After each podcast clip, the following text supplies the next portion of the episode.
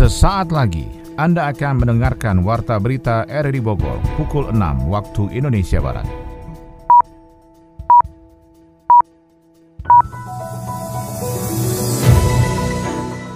Selamat pagi, salam jumpa. Kami hadir kembali dalam Warta Berita edisi hari ini, Selasa 11 Juli 2023. Informasi ini juga turut disiarkan melalui audio streaming lewat RRI Play dan juga disiarkan lewat Radio Tegak Beriman Kabupaten Bogor, Jawa Barat dan Anda bisa akses di Spotify RRI Bogor.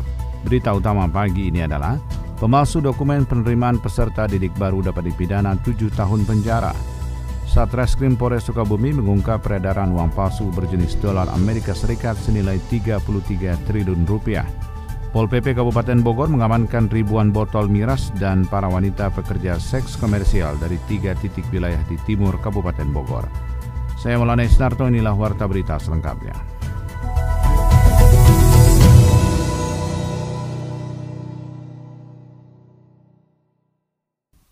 Sebanyak 913 calon siswa SMP di Kota Bogor yang mendaftar melalui jalur zonasi terindikasi bermasalah.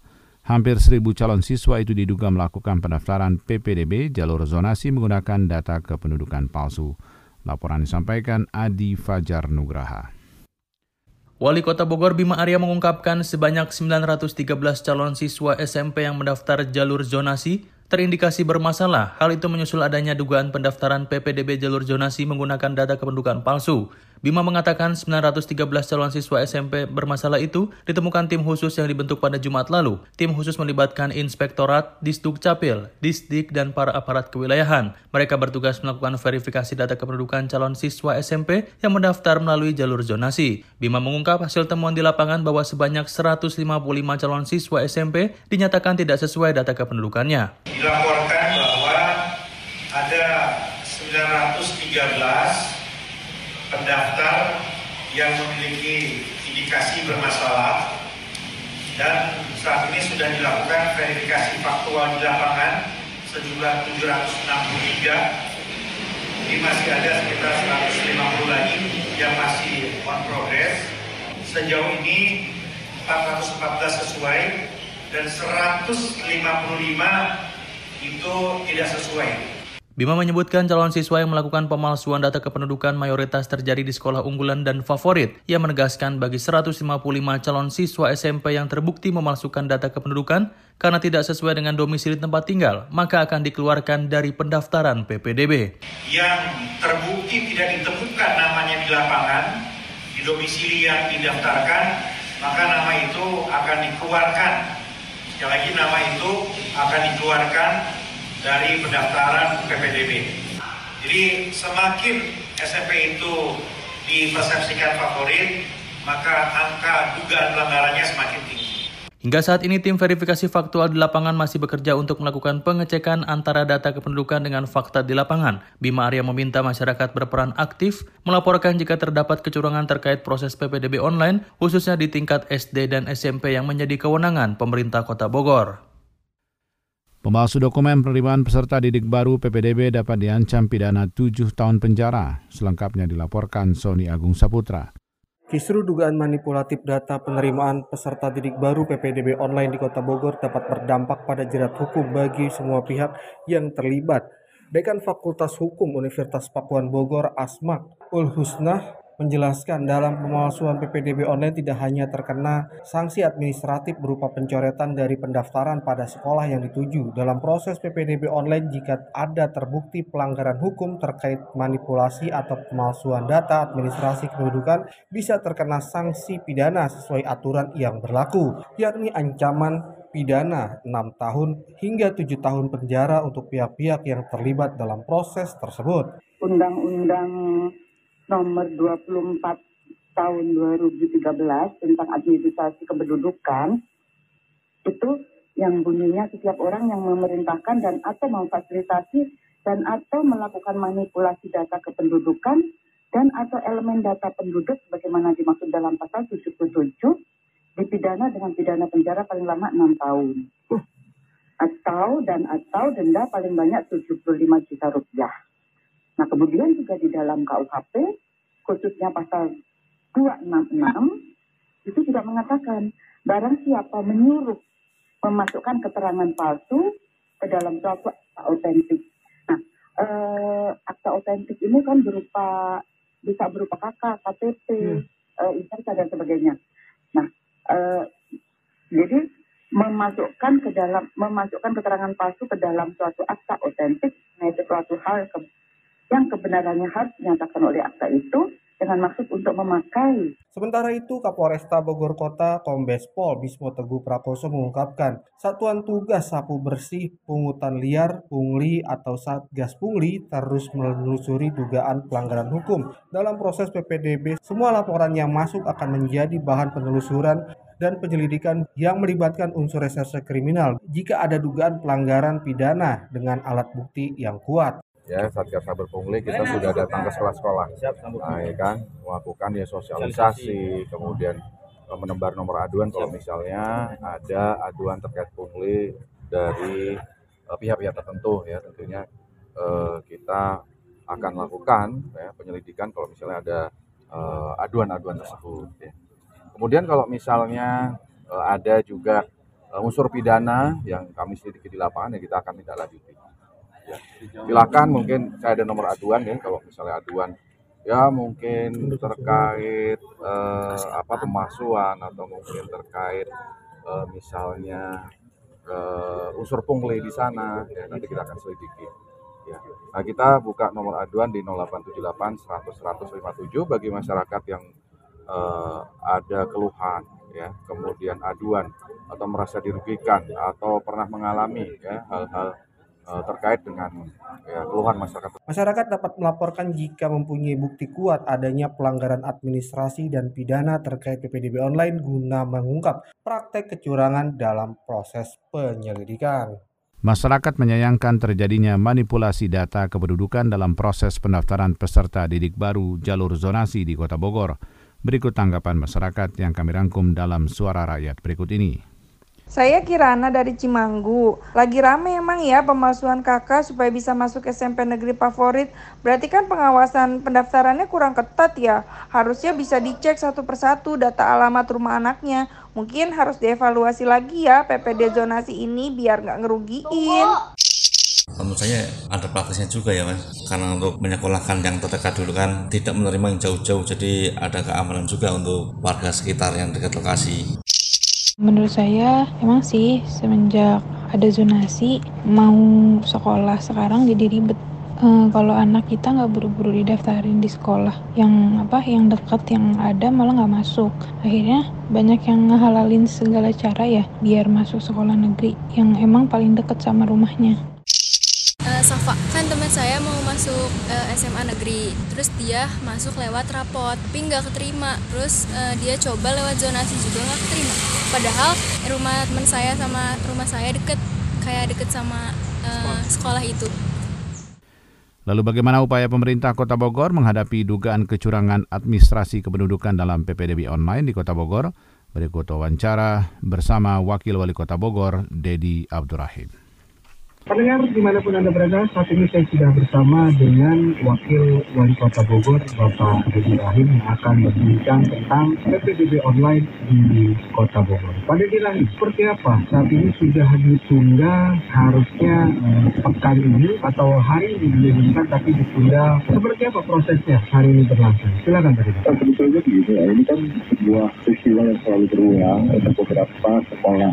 Nah ini terjadi karena ada beberapa sekolah yang yang dikategorikan sebagai kepala favorit. Jadi pada prinsipnya memang kita sedang mencari solusi yang lebih konstruktif ya, yang lebih permanen untuk sekolah-sekolah seperti katakan saja SMP Negeri 1 dan SMA Negeri 1 ini. Kalau kita bicara zonasi murni, tentu lokasinya itu kan berada di pusat kota ya, di tengah-tengah kantoran dan di istana ada budaya. Jadi memang sebagian besar orang itu mencari kesempatan dengan apa melakukan perubahan kartu keluarga. Nah ini kan kemudian akan terjadi eh, tahun depan juga akan terjadi lagi. Apalagi aturannya memang masih menyebutkan bahwa salah satu syarat adalah donasi dengan jarak tertentu. Nah ini kemudian yang harus kita selesaikan. Bahwa kemudian ada orang-orang yang apa melakukan perubahan kartu keluarga yang mendekatkan diri ke zona-zona tertentu, yaitu karena memang aturan di syaratnya seperti itu. Nah, jadi memang ini kan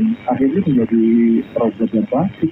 Setiap tahun akan begitu, lebih banyak rusaknya misalnya ya di kebun raya itu dibanding dengan uh, anak-anak yang memang mau masuk sekolah di sekitaran SMP-SMP yang memang berdekatan. Nah itu uh, gambarannya seperti itu dulu. Nah kemudian tentu kemarin sudah kita lakukan langkah-langkah untuk uh, tidak lagi ya ada uh, usaha-usaha dari sebagian orang itu untuk uh, merubah kartu kartu keluarga dengan berubah domisili sehingga dianggap ini sebagai sebuah kecurangan. Nah ini yang sedang kita coba rumuskan ke depan dan apa kira-kira formula terbaik untuk menyelesaikan persoalan-persoalan seperti ini. Baik, bagaimana mereka yang sudah mendaftarkan via zonasi tapi dengan katakanlah dengan admin administrasi kependudukan yang menyesuaikan dengan zonasi tapi kali ini tidak bisa masuk ke sekolah yang dituju karena adanya dugaan-dugaan seperti ini. Seperti apa tanggapannya? Yang pertama kan ada motif ya, ada orang tua mungkin yang sudah mengetahui persyaratan itu, makanya dilakukanlah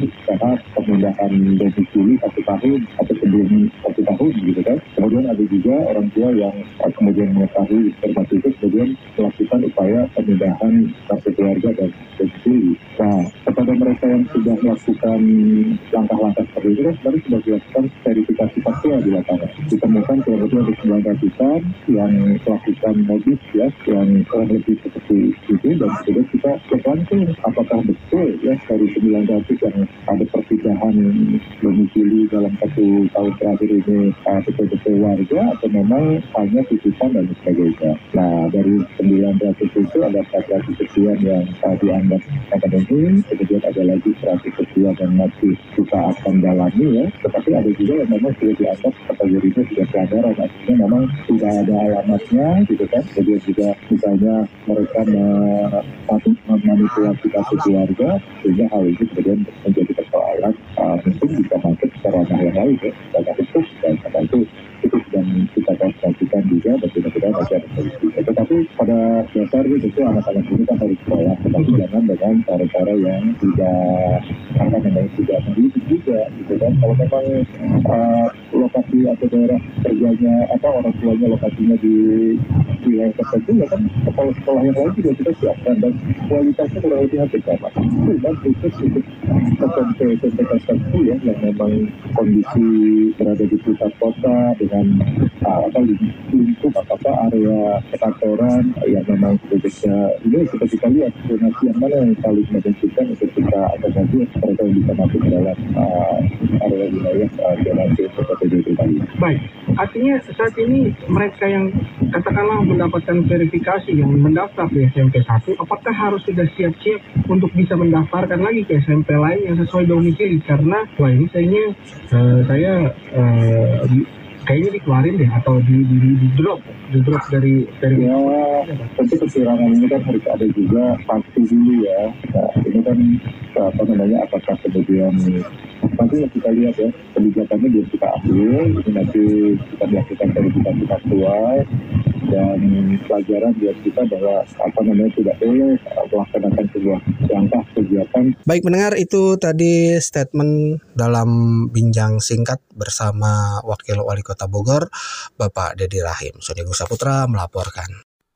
Bah, tak bisa lah, Rai. Kalau begitu caranya, bagaimana mau jalan proyek kita ini? Ah, konsep lo orang bagus, tapi sponsor susah terimanya. Oe punya konsep, sponsor suka. Ya kan bisa dikolaborasikan toh. Kalau sampean merasa idenya jos, bisa kita kompromikan. Lo mikir coba ya, mau Inilah acaranya sebagus apa pun Setiap juga, orang pasti memiliki pemikiran dan pendapatnya sendiri-sendiri.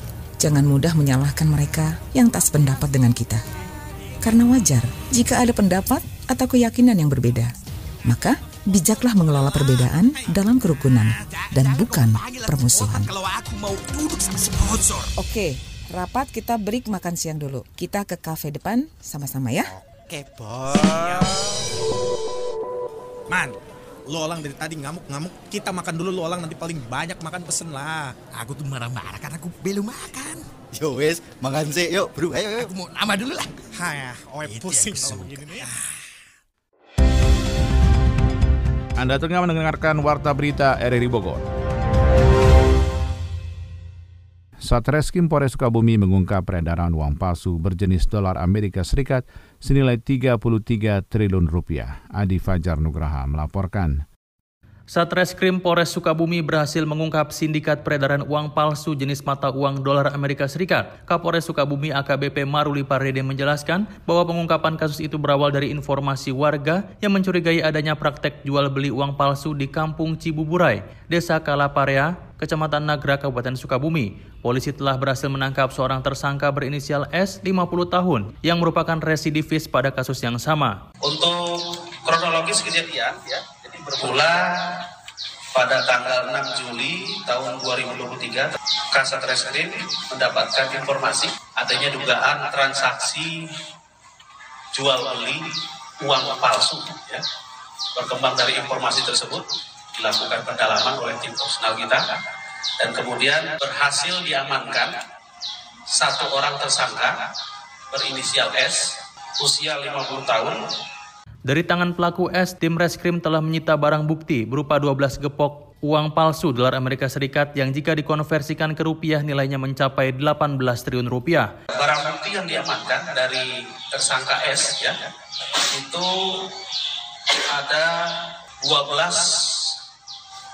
12 gepok ya istilahnya 12 gepok uang dolar yang mana satu lembarnya ini pecahan satu juta dolar ya kemudian ada juga satu gepok uang dolar Belanda ya mana satu lembarnya ini senilai seribu dolar. Jadi kalau dikurskan dengan rupiah yang 12 gepok uang dolar ini senilai 18 triliun. Usai menangkap S, tim Jatanras Satreskrim Polres Sukabumi mengembangkan kasus dan kembali berhasil menangkap tersangka lainnya, yaitu AT, 58 tahun, warga kecamatan Cikembar pada Senin dini hari. Dari tangan AT, polisi menyita uang palsu 1 juta dolar sebanyak 1000 lembar dan jika dikonversi ke rupiah nilainya mencapai 15 triliun rupiah. Jika di total, polisi telah mengamankan uang palsu dolar Amerika Serikat senilai 33 triliun rupiah. Kapolres Sukabumi AKBP Maruli Pardede menyebut pihaknya masih melakukan penyelidikan lebih lanjut terkait kemungkinan adanya jaringan internasional. Sementara itu, Satuan Penegak Perda Pol PP Kabupaten Bogor mengamankan ribuan botol miras dan para wanita pekerja seks komersial dari tiga titik wilayah di timur Kabupaten Bogor. Yofri Haryadi melaporkan.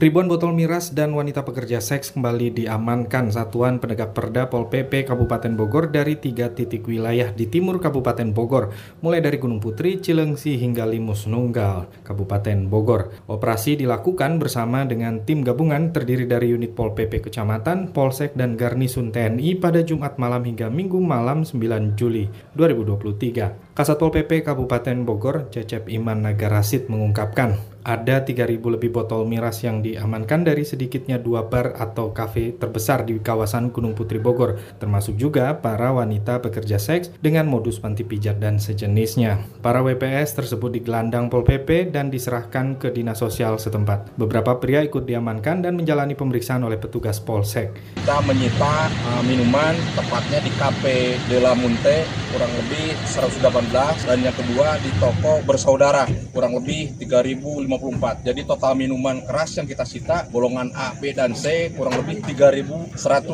botol. Adapun uh, yang lainnya kita kita juga mengambil perempuan-perempuan PSK yang ada dua tempat yaitu Gang Coklat dengan Anggrek. Alhamdulillah berjalan dengan lancar. Perempuannya dengan dinsos terutama untuk berehabilitasi. Kepala Seksi Rehabilitasi Sosial Tunasusila dan Korban Perdagangan Manusia Dinas Sosial Kabupaten Bogor, Bukhori Muslim mengungkapkan untuk WPS yang diserahkan dari Pol PP tersebut terkendala dengan penindakan berikutnya, yakni rehabilitasi sosial. Kendala tersebut antara lain adalah pusat rehab yang berada di Parung Kuda Sukabumi sedang dalam renovasi. Sementara fasilitas panti sosial dan rehabilitasi yang dimiliki Pemkap sangat terbatas kapasitasnya. Di bawah, di bawah 18 gitu. Ada, ada yang 18, ada yang 17, itu, enam orang itu. Rata-rata 17. Di Gunung Putri. Gunung Putri. Di perbatasan antara Bekasi sama Kabupaten Bogor itu. Dulu yang nampung Limus Nunggal itu ya Ah, Pak ya? Ya, itu kan khusus buat Kabupaten Bogor, eh, sejauh barat itu deh. Dia nerima sejauh barat gitu. Tapi dia lebih mengutamakan trafficking. Tapi perempuan, laki-laki nggak mau. Malam pun laki-laki saya kembalikan jangan kita buat apaan laki-lakinya mah. Dikembalin ke polisi apa Iya, ke polisi Pak. Oh, Urusan polisi itu kan. Gitu kan. Itu kan bisa jadi dilarikan tindak pidana itu kan. Iya, iya. apa gitu. Itu sebenarnya malam bisa dibawa ke Cirebon cuma kamu terbentur biaya kuah jauh Pak. Kendaraan juga nggak nggak ini kan gitu. Jadi gitu sekarang ada di KKU ya. Gitu. Tambah eh, saya juga minta untuk sementara lah di sana karena beliau eh, di sana tuh atas kemauan sendiri. Kalau yang dirawat di sana, direhab di sana atas kemauan sendiri. Kan susah Pak. Ada syarat bagi para WPS yang terjaring razia untuk membuat pernyataan kesediaan menjalani rehabilitasi sosial. Banyak dari mereka tidak berkeinginan untuk mengikuti program tersebut. Banyak dari para WPS yang diamankan petugas sudah tidak lagi mempan dengan sanksi sosial dan jeratan pidana yang diterapkan atas perbuatannya itu.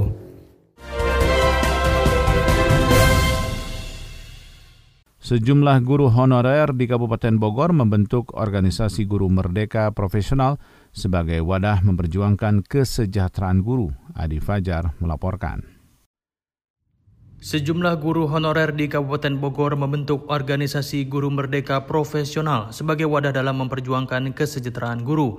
Mereka terdiri dari guru-guru pengajar di sekolah negeri yang masih berstatus honorer yang belum mendapatkan formasi P3K maupun yang belum memenuhi passing grade. Ketua Dewan Penasehat Guru Merdeka Profesional Dadeng Wahyudi mengungkapkan bahwa dalam wadah tersebut masih ada sekitar 1000 guru yang berstatus honorer yang mengajar di sekolah negeri. Menurutnya organisasi itu akan menjadi wadah pengembangan kualitas para guru honorer agar bisa lolos passing grade dan menjadi pegawai pemerintah dengan perjanjian kerja atau P3K. Dadeng yang juga menjabat sebagai anggota Komisi 4 DPRD Kabupaten Bogor akan terus mengawal para guru honorer untuk bisa mendapatkan peningkatan kesejahteraan melalui kebijakan dari pemerintah daerah. Kita menampung keinginan dan harapan para guru tidak passing grade yang sekarang sedang menghonor di sekolah-sekolah negeri yang ada di Kabupaten Bogor yang jumlahnya tidak kurang dari 1100 orang itu uh, meminta kepada DPRD untuk diperkuat agar diangkat oleh pemerintah daerah juga alhamdulillah di sini juga dihadiri oleh sekretaris dinas pendidikan pas banget gitu kan sehingga mudah-mudahan sinergitas ini bisa mempercepat mereka mendapatkan regulasi dan mendapatkan kejelasan tentang pengangkatan mereka untuk P3K di Kabupaten Bogor. Sementara itu, Sekretaris Dinas Pendidikan Kabupaten Bogor Hartono Anwar menjelaskan, sesuai aturan bahwa setiap guru honorer bisa diangkat menjadi PNS ataupun P3K melalui mekanisme tes yang regulasinya diatur oleh pemerintah pusat. Distik akan terus berupaya untuk memperjuangkan kesejahteraan para guru honorer agar menjadi P3K. Hartono yakin dengan diangkatnya para guru honorer menjadi P3K, maka kualitas tenaga pendidik akan meningkat yang sejalan dengan meningkatnya kualitas mutu pendidikan di Kabupaten Bogor. Mudah-mudahan di tahun ini mereka bisa mengikuti tes dan sekaligus diangkat menjadi P3K. Harapan kami Dinas Pendidikan dengan adanya pengangkatan guru honorer menjadi P3K, mereka bisa lebih baik, lebih semangat, lebih berinovasi. Mereka peningkatan kesejahteraan yang akan mereka peroleh dan tentunya dengan adanya kesejahteraan mereka lebih leluasa untuk meningkatkan sumber daya manusia, meningkatkan kualitasnya sebagai guru sehingga terciptanya siswa-siswa yang berkualitas, siswa-siswa yang punya karakter. Sebelumnya PLT Bupati Bogor Iwan Setiawan telah mengangkat 2.981 guru honorer di Kabupaten Bogor menjadi pegawai pemerintah dengan perjanjian kerja atau P3K di tahun 2023. Pemerintah Kabupaten Bogor pun telah mengajukan kepada Kemenpan RB sebanyak 2.909 formasi P3K jabatan fungsional guru untuk diangkat di tahun 2024. BI menargetkan tingkat inflasi di dalam negeri turun ke kisaran 3,2 hingga 3,3 persen pada akhir 2023. Keputusan Arab Saudi untuk memperpanjang pemangkasan produksi minyak 1 juta barel per hari hingga Agustus 2023 dapat memicu kontraksi ekonomi. Kita ikuti laporan Adi Fajar Nugraha. Bank Indonesia menargetkan tingkat inflasi di dalam negeri turun ke kisaran 3,2 hingga 3,3 persen pada akhir 2023. Deputi Gubernur Bank Indonesia Doni Juwono mengatakan bahwa inflasi di dalam negeri turun lebih cepat dari perkiraan sebelumnya. Pada Juni 2023, inflasi tahunan tercatat turun ke level 3,52 persen dari 4 persen pada bulan sebelumnya. Ia menyampaikan melandainya inflasi Indonesia tersebut tidak hanya didorong oleh penurunan harga komoditas, namun juga oleh pasokan barang yang terjaga di dalam negeri. Sebagai informasi, perkembangan inflasi pada Juni 2023 yang mencapai 0,14 persen secara bulanan atau 3,52 persen secara tahunan, terutama dipengaruhi oleh inflasi inti. Inflasi inti pada Juni 2023 tercatat sebesar 0,12 persen secara bulanan, sejalan dengan meningkatnya mobilitas masyarakat seiring penambahan hari cuti bersama pada Hari Besar Keagamaan Nasional Idul Adha. Komoditas utama penyumbang kenaikan inflasi inti yaitu komoditas kontrak dan sewa rumah. Secara tahunan inflasi inti Juni 2023 tercatat sebesar 2, 2,58 persen secara tahun ke tahun, lebih rendah dibandingkan dengan inflasi pada bulan sebelumnya yang sebesar 2,66 persen secara tahunan. Keputusan Arab Saudi untuk memperpanjang pemangkasan produksi minyak 1 juta barel per hari hingga Agustus 2023 dapat memicu kontraksi ekonomi. Perekonomian diperkirakan akan turun sebesar 0,1 hingga 1 persen jika kebijakan tersebut bertahan selama sisa 2023. Hal itu diungkapkan ekonom Timur Tengah dan Afrika Utara di Bank of American Corp Jen Michael Saliba. Penurunan level itu akan membuat Arab Saudi menjadi ekonomi dengan kinerja terburuk di G20 setelah Argentina. Pasalnya ekonomi Arab Saudi didukung oleh keberadaan ladang minyak yang menjadi perputaran nyata untuk ekonomi 1 triliun US dollar yang harganya melonjak hampir 9% pada tahun 2022.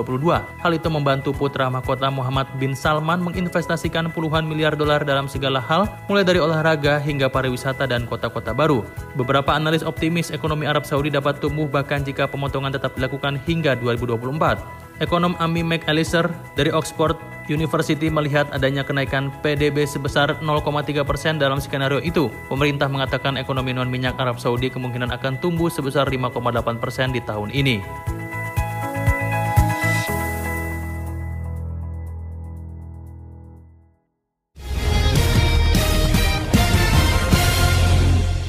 Dari dunia olahraga, Timnas Indonesia memulai pemusatan latihan untuk bertarung di Piala Dunia U17. Tim Kempo Kabupaten Bogor meraih target medali dalam Popda Jawa Barat 2023. Kita ikuti laporan Ermelinda.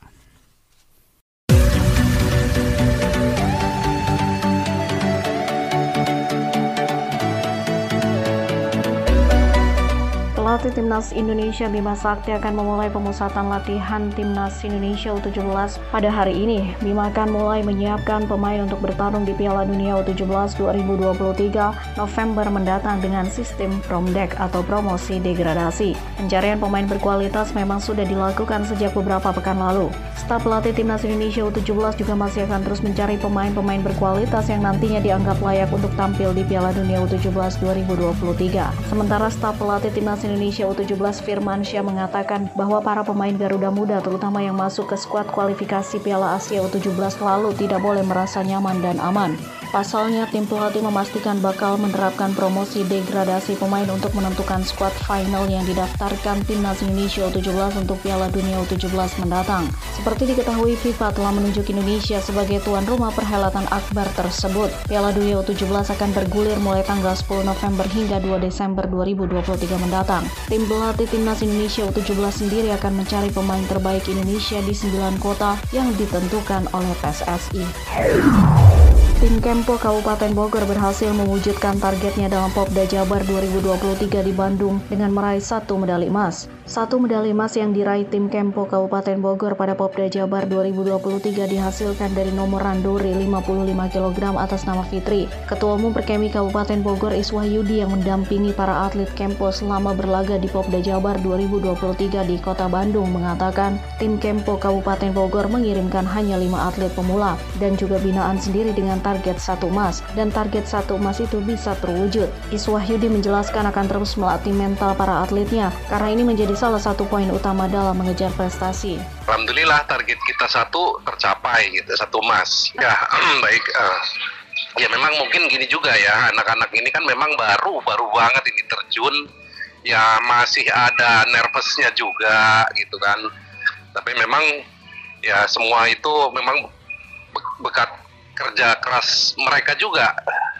ya emang harus ditekankan harus percaya dirinya penuh gitu kan itu makanya di karena ini randori ya kalau randori ini kan yang bertanding bukan yang seni gerak Iswahyudi optimis ke depannya akan banyak lagi atlet binaan Perkemi Kabupaten Bogor yang bisa mendulang emas di Popda atau Porprov Jabar mendatang. Sementara itu pelatih Kempo Kabupaten Bogor Ahmad Zulfikar menyampaikan rasa bangganya kepada anak didiknya yang sudah berusaha berjuang memperoleh hasil yang memuaskan. Ahmad Zulfikar mengatakan Popda ini sebagai permulaan dalam mencari poin dan melatih mental atlet binaannya. Dan Ahmad berharap ke depannya atlet binaannya sudah siap masuk ke event yang lebih tinggi lagi. Evaluasinya sih kita harus latihan lebih keras lagi lagi, lebih giat lagi ya Mbak ya. Yang mungkin akan ditambah Mbak harinya. Karena kan kita seminggu itu latihannya hanya tiga kali ya Mbak ya. Hmm. Seminggu hanya tiga kali. Mungkin nanti bakal ditambah juga udah berkoordinasi dengan Sentai Maidol yang Mbak pelatih utama kita kan ya. Hmm. Uh, mungkin akan lima kali dalam seminggu Mbak latihannya. Oh, okay. Gak tiga kali. Jadi evaluasinya sih memang latihan sama nanti minggu depan nanti minggu depan pun kita ada ujian kenaikan tingkat mbak. Oh iya betul mbak. Soalnya kan setelah event Popda ini mbak yang juara-juara satunya itu langsung diberangkatkan untuk mengikuti kejuaraan Popnas mbak di Palembang. Untuk mewakili Jawa Barat mbak. Itu juga kan memang untuk jam terbang itu perlu ya. Pengalaman kan memang guru yang paling berharga ya mbak. Betul. Kalau kita nggak punya jam terbang tapi kita latihan terus latihan terus tanpa punya jam terbang juga kan ada yang namanya demam panggung ya mbak ya. Hmm, betul. Nah, nah terkait dengan dia diikutkan mereka ke dalam Popda, apalagi skalanya juga multi event ya mbak ya. Hmm. Itu juga meningkatkan semangat. Pesta olahraga para pelajar sejauh barat tahun ini mempertandingkan 24 cabang olahraga dengan satu cabang olahraga yang dieksibisikan yakni squash.